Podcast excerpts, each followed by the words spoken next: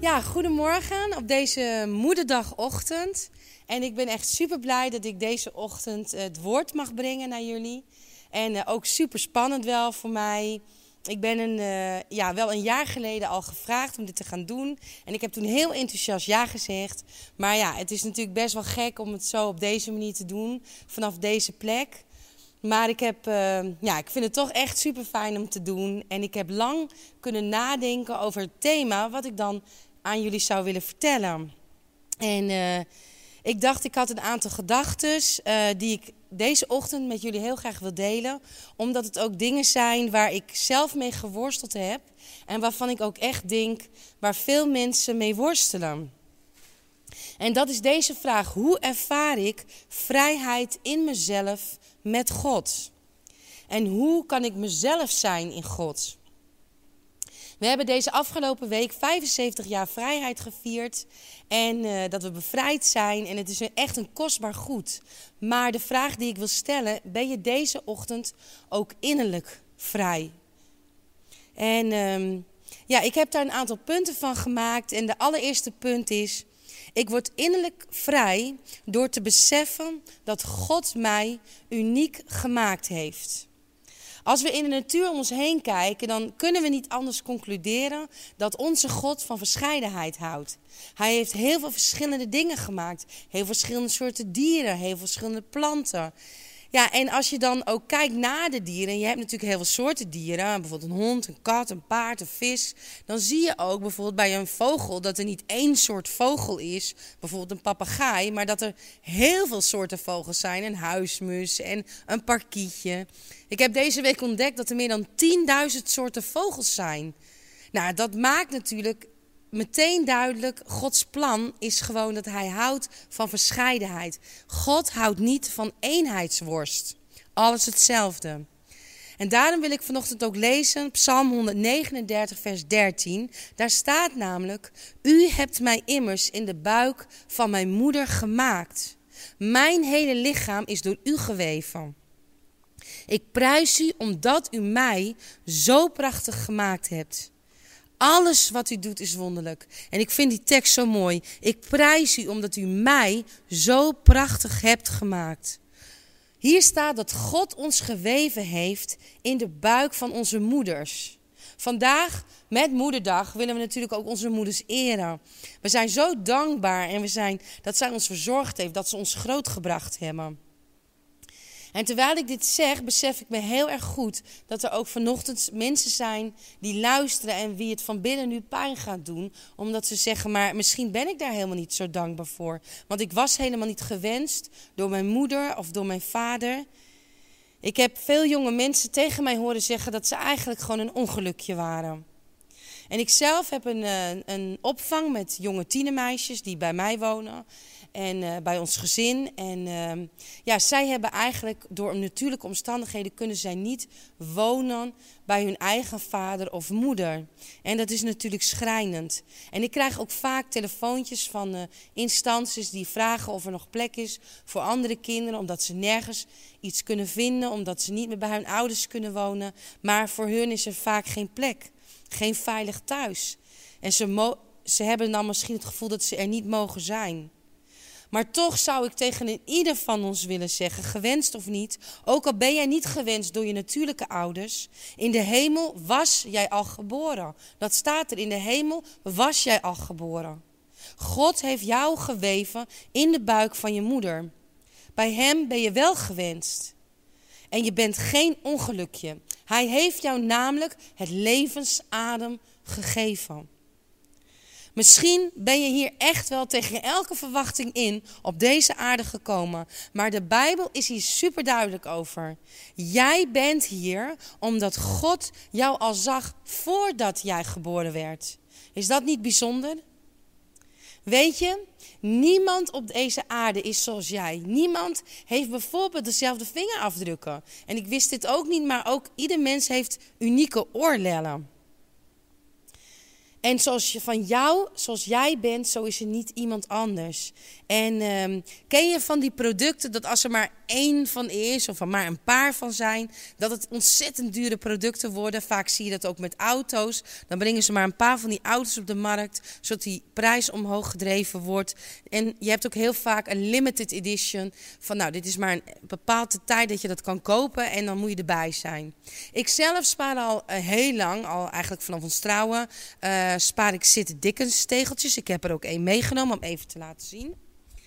Dat zijn deze. En ik krijg vaak op mijn trouwdag krijg ik zo'n prachtig tegeltje van mijn man. En um, ook hiervan, het is van een kunstenaar uit Canada en hij maakt deze tegels.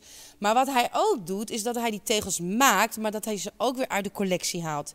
Dit tegeltje bijvoorbeeld is in 2004 op de markt gekomen en in 2010 eraf gehaald, zodat je al tien jaar lang deze bijvoorbeeld niet meer kan kopen.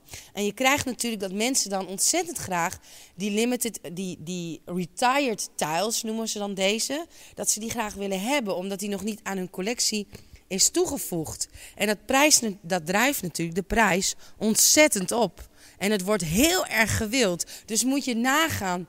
Als je daarover nadenkt, jij bent uniek. Zoals jij is er geen één. Er loopt niemand op deze wereld rond zoals jij. Hij maakt geen kopie van jou. Zijn werk is origineel. Jij bent een origineel. En weet je waarom? Je dit mag beseffen, dat je, zo, dat je weet, dat je mag beseffen dat je heel speciaal bent voor God. En als je dit gaat beseffen, en dan bedoel ik echt beseffen, niet alleen met je verstand, maar dat je dat ook mag gaan voelen echt in je hart. Als je dat zo, ja, als je dat zo beseft dat God je zo uniek gemaakt heeft, dan wil je niet anders dan in het plan wandelen wat God voor jou gemaakt heeft. Dan wil je gaan wandelen op de weg die Hij voor jou heeft. Want als jij zo uniek bent, moet er wel iets speciaals voor jou klaar liggen. En daar kom ik tot mijn tweede punt. Ik word innerlijk vrij door Gods plan voor mijn leven te gaan volgen. En ik wil lezen daar een tekst uit Efeze 2, vers 10. Want wij zijn zijn maaksel. Zie je? Hij heeft ons gemaakt. In geschapen in Christus Jezus. Waarom? Om goede werken te doen, die God van tevoren bereid heeft, opdat wij daarin zouden wandelen. Ons leven wordt vaak vergeleken met een weg die wij gaan. En hier in Efeze staat dat wij op die weg wandelen. Soms staat er ook wel eens dat we moeten rennen, maar hier staat dat we wandelen op de weg. En in de goede werken die God van tevoren bereid heeft. Hij heeft die weg dus al bereid. Hij kent jouw weg al. Hij weet op welke weg jij moet gaan wandelen. Alleen wij moeten nog even weten welke weg we moeten wandelen. Als we in een auto bijvoorbeeld zitten en we rijden op een weg, maar we gaan even een afslag nemen en we komen per ongeluk terecht op een andere weg, nou dan kan ik haast wel zeker zeggen dat je een ongeluk gaat veroorzaken. Of in ieder geval heel veel chaos. God heeft jou uniek gemaakt, heb ik gezegd. En dat maakt ook dat Hij echt een unieke weg voor jou heeft uitgestippeld. En dat is echt voor iedereen anders. Het is wat je talent is en wat jouw weg met Hem is, dat moet je gaan uitzoeken. Zoek, probeer te zoeken wat die weg of het pad is wat voor jou klaar ligt. En als je dan dat ontdekt, als je dan op de weg zit die God voor jou hebt uitgestippeld, dan kan dat geeft ontzettend veel energie ja, dan voel je je goed en het, je komt lekker in je vel te zitten. Maar ik zal ook dit zeggen. De boze zal er alles aan doen om jou van die weg af te houden. Hij wil jou namelijk niet op die weg. En dan gaan we in valstrikken trappen. Valstrikken die, die, waar iedereen wel eens in trapt en waar je soms nog wel eens een keer in zal trappen. En uh, een van de valstrikken wat er zijn is bijvoorbeeld dat je je gaat vergelijken met anderen. Ik loop op deze weg, iemand anders loopt op een andere weg. Maar ik denk, hé, hey, maar wat hij doet is eigenlijk veel belangrijker. Zijn weg is veel belangrijker dan mijn weg. En uh, hij kan het veel beter doen. Of, of ik zou willen dat ik ook zo mooi kon zingen. Zoals we het team mooi hebben uh, kunnen horen zingen. Dat je denkt, oh, maar dat zou ik eigenlijk ook uh, willen of kunnen. En het is misschien niet Gods plan voor mijn leven. Ik zou haar baan wel willen hebben. Ik zou wel willen dat ik net zo slim was als haar of hem. Ik zou eigenlijk wel net zoveel willen verdienen als haar of hem. We proberen dan gewoon iemand na te doen. En iemand te zijn die we diep van binnen niet zijn. Ik zou willen zeggen deze ochtend: stop met vergelijken met anderen. Want je bent op deze manier niet meer uniek. Je maakt gewoon van jezelf een kopietje. En daar zit niemand op te wachten op kopietjes. Wees gewoon jezelf. Een reden waarom heel veel mensen ongelukkig zijn in het leven is gewoon omdat ze proberen iemand te zijn die ze niet zijn, die ze diep van binnen niet zijn. Mensen doen het ook op social media. Als je kijkt naar Facebook, op Instagram. Mensen gaan elkaar nadoen. Op TikTok zie je dat heel veel kinderen die elkaar nadoen. Het is één kopieergedrag. En we durven niet meer uniek te zijn. Niet meer te zijn wie we zijn. Onszelf te laten zien. En we hebben nog een grote vergissing, is dat we denken dat mensen, als je ergens goed in bent, als je iets goed kan, uh, dan vind je eigenlijk ook dat iedereen anders dat ook zou moeten kunnen. En we raken gefrustreerd als mensen soms dingen doen op een andere manier dan wat wij ze doen. Ik hou echt heel erg van lekker koken. En mijn moeder, het is een beetje gevaarlijk wat ik nu ga zeggen. Want ik denk dat mijn moeder vanochtend meeluistert. Maar mam, sorry, ik hou van je. En straks ga ik bij je op visite. Maar ja, om eerlijk te zijn kan je niet heel lekker koken. Maar dat weet je denk ik ook al wel een beetje. En als ik dan bij haar kom en ze wil me lekker verwennen met lekker eten. Dan maakt ze het eten en dan jeuken eigenlijk mijn handen. Want ze maakt het eten niet zoals ik het maak. En eigenlijk is alleen maar mijn manier van bereiden goed. Ook al doet ze haar best. En toen ik uh, jong was en ik trouwde met een voorganger en een dominee, werden er door allerlei mensen ook verwachtingen op mij geplakt. Men vond dat ik me op een bepaalde manier moest gaan gedragen, op een bepaalde manier moest gaan kleden, of ik vond dat zelf. Ik had zelf dat beeld in mijn hoofd, maar soms plakken mensen ook die verwachting op je. En je gaat dingen doen die totaal niet bij je passen. En diep van binnen word je dan ongelukkig. Je komt steeds verder namelijk van jezelf af te staan. Het past gewoon niet bij je, maar je doet het omdat je denkt dat het zo zou moeten. Want zo zou toch gewoon een vrouw van een dominee zich horen te gedragen. En ik ging leven naar het plaatje wat mensen om me plakten, maar ook wat ik zelf in mijn hoofd had. En daar word je diep ongelukkig van. Bijvoorbeeld, er waren mensen die tegen mij zeiden: Ja, je bent vrouw van de dominee. Vrouw van de dominee zou kinderwerk moeten doen. Nou, ik heb het geprobeerd en ik kan u eerlijk vertellen: ik werd daar gewoon niet gelukkig van. En de kinderen al helemaal niet. Maar ik ben echt gek op kinderen. Ik kan u verzekeren, ik ben gek op kinderen. En het is een prachtig werk, het kinderwerk. Het is super belangrijk. Dus ik ben blij met al die mensen die daar wel passie voor hebben. Die zich daar wel 100% voor willen inzetten. Maar het past gewoon niet bij mij. Als kind was ik dol op toneelspelen. Ik deed sketches en allerlei personages. Dat vond ik super leuk. Maar dat heb ik gewoon jarenlang verstopt. Want ja, ik dacht, wat moet ik hiermee? Ik schaamde me eigenlijk bijna voor. Dat, dat kan toch niet? Wat kan ik hiermee? Ik kan toch niet als een toneel? Wat, wat zou je daar nou mee kunnen? Maar ik wil je iets vertellen. Je kunt niet voldoen aan de verwachtingen die mensen soms van je hebben. Je kunt er soms gewoon niet aan voldoen. Want het is niet wie jij bent. Ouders gaan kinderen vergelijken met elkaar hey, waarom ben jij eigenlijk niet zoals jouw broer? Of uh, haal je niet zulke goede cijfers als je broer? Of waarom heb je eigenlijk niet zo'n goede baan als je zus? Of kan jij zo goed sporten als je zus? Ouders houden ermee op om je kinderen met elkaar te vergelijken. Ieder kind is uniek, ieder kind heeft zijn eigen weg. God wil namelijk dat we gelukkig zijn. Dat we mogen genieten van de gaven die andere mensen hebben. Ook vandaag hier, mensen hebben gaven die ik niet heb. En het is zo mooi dat we daarvan mogen genieten. Dat mensen dat kunnen en andere mensen mogen dan weer genieten van de gaven die ik heb. We moeten niet jaloers zijn op wat andere mensen doen, of wat andere mensen kunnen, of misschien wel wat andere mensen verdienen. We moeten gewoon doen waar we goed in zijn. En waar je gepassioneerd over bent, waar je warm voor loopt. Hoeveel mensen nemen eigenlijk misschien wel een baan waar ze gewoon heel veel geld mee kunnen verdienen. Maar ze vinden het werk verschrikkelijk. God wil dat we met vreugde ons werk doen. Heel veel mensen vinden het echt moeilijk om te ontdekken welk pad God met je wil gaan. En dat is soms ook wel moeilijk. Het is soms ook echt wel een puzzel. Hoe weet ik nu wat mijn gaven en talenten zijn?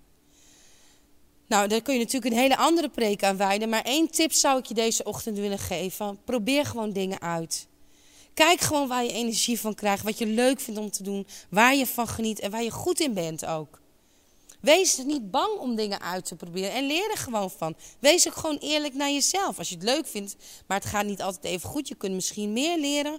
Maar probeer dingen uit en kijk gewoon: hé, hey, hier word ik, wil ik wakker voor worden. Hier klopt mijn hart voor. En dat kan voor iedereen iets heel anders zijn. Als je bijvoorbeeld goed kan onderwijzen, ga dan onderwijzen. Als je kunt organiseren, ga organiseren. Kun je goed koken, ga voor mensen koken. Ga heerlijk koken. Als je goed kunt spreken, ga dan spreken. Als je kunt besturen, ga dan besturen. Maar zegen mensen met de gaves die je hebt. Kan je goed musiceren? Maak mooie muziek, zodat mensen ervan kunnen genieten. Gebruik gewoon jouw talent en jouw gaven om het goede werk te doen. Wat God al lang voor jou bereid heeft. Hij heeft het al klaar liggen. Je hoeft het alleen nog maar te ontdekken en in die weg te gaan wandelen. En dat brengt me bij mijn laatste punt. Ik word innerlijk vrij door mijn zwakheden te omarmen.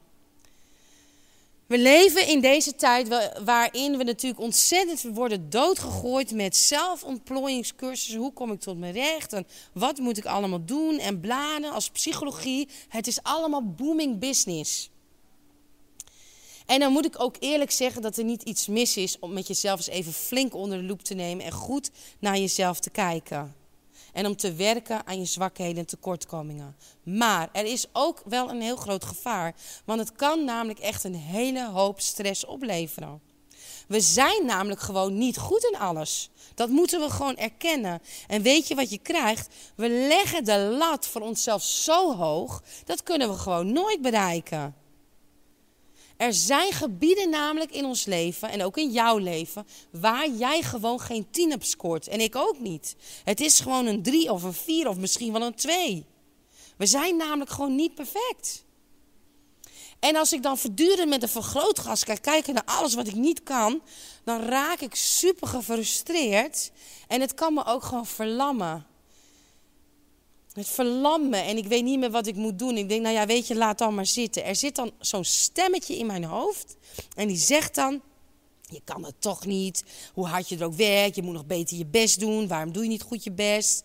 Maar jouw drie, en weet je, hoe hard je er soms ook aan werkt, hoeveel je er ook aan doet, hoeveel cursussen je ook volgt, jouw drie of viertje zal misschien nooit een tien worden. Misschien hooguit een vijf. Dus het kan je wel heel erg belemmeren. En het, het belemmert je ook heel erg om te genieten van dat wat je wel kunt. We zien dat bijvoorbeeld ook in de Bijbel met een heel belangrijk persoon, Mozes. Mozes is een van de meest belangrijke personen voor het volk van Israël. Maar als God hem roept met een onwijs mooie bediening, weet je wat God dan zegt? Wat uh, Mozes dan zegt bedoel ik? Weet je wat hij zegt tegen God? Hij zegt, ja, ik kan het niet. Ik doe het niet. En waarom niet? Hij stottert. Mozes had alles mee, echt alles mee. Hij was groot geworden in een heel rijk gezin. Hij was getraind door de beste leraren. Maar als God hem roept voor die opdracht, dan focust, waar focust Mozes zich op? Op zijn zwakte. Ik kan het niet, want ik stotter. En ik moet je heel eerlijk bekennen, deze ochtend, als ik Mozes zou zijn, en ik verplaats me even in de schoenen van Mozes, en ik zou een volk van bijvoorbeeld Nederland helemaal naar Frankrijk moeten brengen, en ik kan niet goed praten, ja, dat lijkt me een redelijk groot probleem. Want Mozes moest naar allerlei hooggeplaatste mensen. Hij moest naar koningen, hij moest naar de farao toe. Praten lijkt me hier redelijk belangrijk. Ik kan me heel erg goed voorstellen dat Mozes zegt: God, zoek maar een ander. Ik niet, ik ga dit niet doen. Hier ben ik niet voor geschikt. Want ik stotter, het lukt me niet. Waarom ik? Waarom niet een ander? Maar het is zo'n mooi verhaal hier, want eigenlijk zien we dat God mensen gebruikt die niet volmaakt zijn. En niemand van ons, ik niet, maar jij ook niet, is volmaakt. Door al je tekortkomingen gewoon te erkennen en om te omarmen, gewoon accepteren. Dat geeft soms gewoon zoveel innerlijke rust. Gewoon genieten van wie jij bent. Met alles wat daarbij hoort. Ik kan ontzettend kritisch naar mezelf kijken en dan denken: dat kan anders, dit moet beter. Waarom doe je het nou zo? Waarom doe je het volgende keer niet zo? Maar weet je, ik jaag mezelf van binnen op en ik geniet niet meer. Ik geniet gewoon niet meer van alles wat ik wel kan en wat wel lukt. En dan voel ik me gewoon niet meer vrij. Misschien kennen deze moeders deze, uh, ja, dit voorbeeld wel. Heel veel moeders op school die maken soms prachtige tractaties als kinderen jarig zijn. En dan, uh, ja, dan komen ze met de meest mooie bouwwerk en knutseldingetjes. En uh, zo waren Esther en Magali een keer jarig. En ik dacht, nou, hoe moeilijk kan het zijn? Hè? Ik googelde even op Pinterest, stonden allemaal leuke ideetjes. En ik schaf alles aan waarvan ik dacht, dit ga ik maken, dit moet lukken. Maar ja, een beetje een domme zet van mij. Ik begin een avond van tevoren, de winkels waren al dicht. En ik probeer dat in elkaar te knutselen. En uh, het was een soort cakeje op een uh, ijs, ijsstokje. En, uh, maar het cakeje viel gewoon zo flaps van het stokje af. En ja, eigenlijk kwam ik tot de ontdekking dat de cake die ik gekocht had niet stevig genoeg was. Ik had niet een al te dure cake genomen. En ja, die cake was gewoon te slap. Dus het viel gewoon naar beneden. En ik had ook niks anders in huis. Dit moest de tractatie wel worden. Esther en Magali stonden naast me te huilen, want die zagen wel dat mijn tractatie in de verste verte niet leek op de tractatie van Pinterest. Dus ik dacht bij mezelf, hoe ga ik me hier uitrennen? Het was gewoon een dikke twee. Het was een twee. Nou ja, ik zal je eerlijk zeggen, ik heb er misschien een vijf van gemaakt. Ik heb die cakejes gewoon plat op een schaaltje gestampt. Daar een paar smarty ogen in en, en een. En ik dacht, zo moet het maar. Daar moeten ze maar tevreden zijn. Met twee werd misschien nog een zes. Maar het zal nooit een tien worden. Ja, en uh, daar moet ik ook denken aan een tekst. Dat doet me denken aan een tekst waaruit blijkt dat al ons werk, alles wat we doen, gepaard gaat met menselijke zwakheid. God sluit onze zwakheden namelijk niet uit, maar in bij het werk wat Hij door ons heen wil doen. Zo zegt Paulus over zijn bediening. Maar wij hebben deze schat in aardevaten, zodat de kracht die alles te boven gaat van God is en niet van ons. In deze tekst zien we dat de bediening en ons werk eigenlijk wat we doen, dat is de schat. Alles wat we doen, de bediening gaat gepaard met menselijke zwakheid. Paulus had tegenstanders, echt tegenstanders, die hem gewoon probeerden naar beneden te halen. Ze roddelden over hem. Ze zeiden, moet je hem zien? Hij ziet er toch niet uit? Moet je kijken hoe hij eruit ziet? Dat is toch geen imponerend man? Dat kan toch geen groot apostel van God zijn? Hij was niet indrukwekkend genoeg. Ze hadden het over zijn lichamelijke zwakheid. En ook dat hem niet alles voor de wind ging, moet je nagaan. Hij had moeite. Paulus had moeite in zijn bediening. Paulus ging door lijden heen. En weet je, dit zagen ze als het bewijs dat Paulus dus moeite had en door lijden heen ging. Zeiden ze: Dit is het bewijs dat hij geen groot apostel is. Maar Paulus vergelijkt in deze tekst ons lichaam met een aardewerken kruik. En in die tijd werden die van klei gebakken. En klei was ontzettend breekbaar. Ontzettend breekbaar, ontzettend kwetsbaar. En hiermee laat hij zien dat ons aardse bestaan vergankelijk is, kwetsbaar is. En dat, onze, dat in onze zwakheid Gods kracht eigenlijk nog duidelijker zichtbaar wordt. Omdat de kracht vanuit God komt en niet vanuit ons. Is de Bijbel daar niet gewoon vol van? Zwakke mensen die ondanks dat een enorm werk voor God doen? Ze laten zich gewoon niet belemmeren door hun tekortkomingen. In onze zwakte zijn wij sterk. Zodat we niet kunnen zeggen: Kijk mij nou hoe goed ik ben. Kijk mij nou, dat heb ik toch even mooi gedaan. Nee, we beseffen ons des te meer dat we niet uit eigen kracht kunnen. We moeten ons niet op onszelf blijven focussen, maar op God, want dan kunnen we het wel. Omarm gewoon je zwakheden, omarm je tekortkomingen. Oké, stel je dit beeld eens even voor. We gaan naar de winkel en we willen een vaas kopen. En er zijn twee soorten vazen. Eén vaas, supermooi, glad, glanzend, perfect. En dan heb je daar ook een vaas, daar zitten allemaal scheuren in. Allemaal batsen, zijn zelfs stukjes uit. En uh, ja, welke zou je dan kiezen? Nou ja, ik weet wel welke ik kies. Ik kies natuurlijk voor die mooie vaas. En, ehm, maar ja, wacht eens even.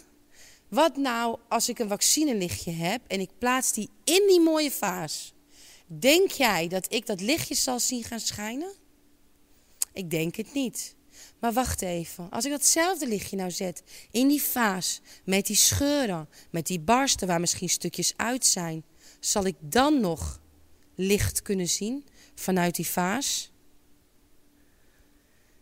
En dat is zo'n mooi beeld, want weet je, zo is het ook met ons leven. God wil door alles wat jij meegemaakt hebt, door al jouw tekortkomingen, al jouw scheuren, al jouw barsten, al jouw zonden heen, daar wil Hij gewoon doorheen stralen. Hij wil niet door perfecte mensen heen stralen, maar door mensen die gewoon echt zijn. Mensen die problemen hebben, die tekortkomingen hebben, daar wil Hij doorheen schijnen. Opdat de wereld dan echt kan zien dat het niet anders kan, dat het God is die in jou werkt. Want uit jezelf kan je dit niet. God is het die door jou heen schijnt. Want we zijn allemaal gebroken. We hebben allemaal die scheuren en die barsten. Dat is wat de Bijbel ons leert. Nee, ik ben niet perfect. Mijn huis is niet altijd opgeruimd. Ik kan soms echt geïrriteerd zijn. Ik ben ook niet altijd geduldig. Ik kan echt boos worden. Maar ik wil toch dat God zijn licht door mij heen laat stralen.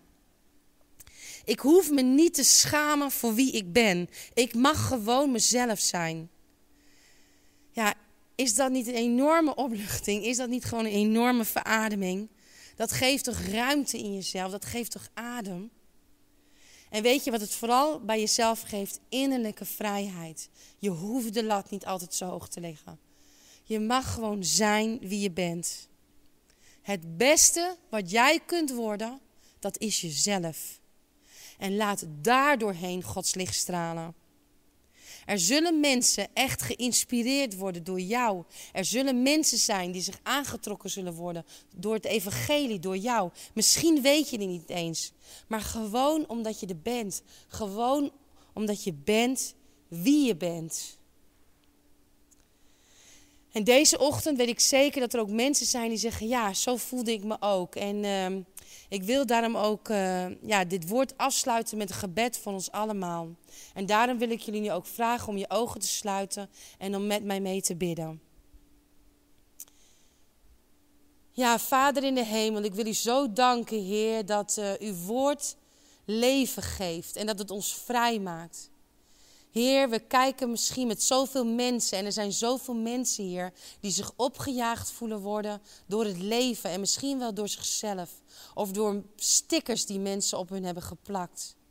Heer Jezus, ik wil u bidden, Heer, dat we allemaal mogen beseffen dat U ons uniek gemaakt heeft. U hebt ons al bedacht voordat we geboren werden. U wist al dat we hier zouden zijn. Dat willen we diep van binnen gaan beseffen en ervaren. Heer Jezus, dank u wel dat u daarom ook een plan voor ons heeft. Heer, dat we mogen weten, Heer, wat de weg is die u ook van tevoren al bereid heeft. Dat we daarin mogen wandelen, dat we dat mogen gaan ontdekken, Heer Jezus. Voor een ieder van ons, ook die kijkt. Ook mensen die misschien nog niet weten wat de weg is. En Heere Jezus, dank u wel dat we ook in alles onze zwakheden, in onze tekortkomingen, gewoon mogen erkennen. Dat we gewoon mogen erkennen wie we zijn. Dat we daar een rust mogen vinden. Heer, dat die juk, Heer. En dat we ons niet zo opgejaagd hoeven voelen, maar dat we gewoon mogen zeggen, dit ben ik. Met alles wat ik heb. Maar daarmee wil ik God dienen. En ik wil ook bidden, Heer Jezus, deze ochtend voor mensen, Heer, die kijken. Die hebben geluisterd naar dit woord, maar die u misschien nog helemaal niet kennen. Die niet weten wie u bent en die u echt nodig hebben. Die zeggen, ik wil wat jij hebt. Ik wil dat ook ervaren, die rust. Want ik kan je verzekeren, die rust is echt. Die rust komt, die gaat neerdalen in je hart. Maar ik wil je dan uitdagen en vragen, wil je misschien vanochtend die digitale knop indrukken om te zeggen, ik wil God in mijn leven. Want alleen Hij kan je die rust geven. Alleen Hij kan je die zekerheid geven. Dat je mag weten dat je een kind van Hem bent. En dat je in Hem zo geliefd bent.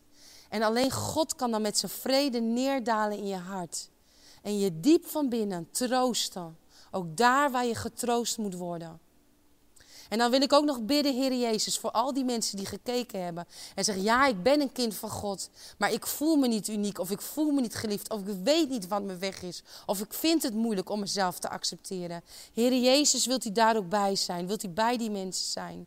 Heer, dat ze mogen weten, Heer, dat u een plan hebt voor hun leven. En ook jij mag die digitale knop indrukken. Want mensen willen, Heer, bij u horen. En ik dank u, Heer Jezus dat u ook bij deze, ja, bij deze mensen wilt zijn. En dat ook zij, Heer, misschien die knop mogen indrukken, zodat mensen met je kunnen chatten, met je kunnen bidden. Dank u wel, Heer Jezus, voor uw woord dat leven geeft. Heer Jezus, zegen in ieder van ons. In Jezus' naam, amen.